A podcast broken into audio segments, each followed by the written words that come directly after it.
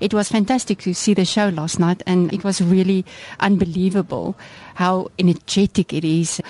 How is it that you keep the show so live and every time you can just sweep up the audience and make them as if this is the first time that they've seen Lord of the Dance. Yeah, it's a, we're we're delighted. We have uh, such a fabulous cast here. Uh, every one of these kids are so well trained and they're so enthusiastic. They love what they do, and I think if you're on stage uh, and you love what you do, the audience feels that. You know, the audience notices that the dancers are smiling in a sincere and genuine way. It's not because they're told to; they just love what they do, and that's catchy. It's infectious, and so uh, as you can see, we updated the show, and it's all brand new and uh, and um, new music and new costumes, new lights, new set, and everything as well. Uh, but I think the real success is seeing the smiles on the dancers' faces. And I've read that you play the flute. Now, as I understand it, that you you play the flute. I saw it in the program. So it's the Irish flute. That you have a, a long history of music in your family and dance. Yeah, yeah. My father was uh, a, musician. He was a fiddle player, um, just a little bit. But I think on both sides of the family we had music and dance, so it was bound to come out at some point, uh. Uh, but uh, yeah, so listen, I started playing when I was a little boy. Same time I started dancing, and it just kind of took off. I practiced both, and I love both of them. You were with the show in the St. Petersburg when they had their 300 years anniversary. How did it come about? Yeah, that was fantastic. We were delighted and honoured that they uh, chose us uh, to perform. Uh, uh we performed with uh, Pavarotti at the time, and it was a wonderful honour for us uh, as well to to perform alongside such a legend.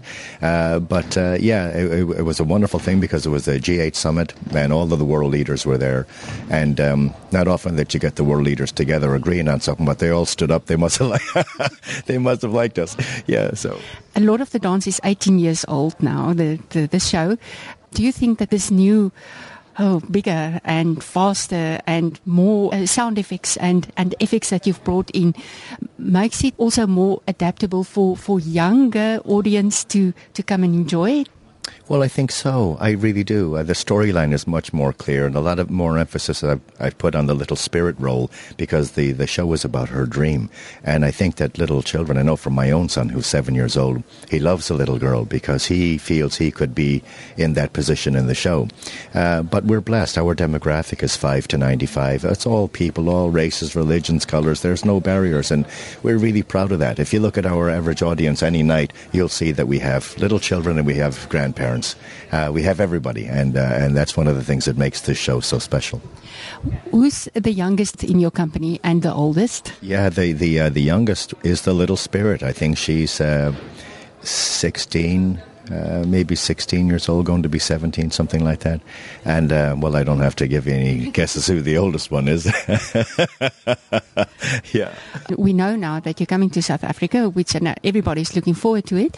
Where are you going to take the Lord of the Dance Dangerous Games? Well, we are taking it all over the world. Uh, we embark on a world tour in, in uh, February now. Uh, we'll, I think we'll be in New York in January. Uh, so we'll have four troupes on the road uh, one in New York, one in London, one uh, touring all over America, and one touring the whole rest of the world.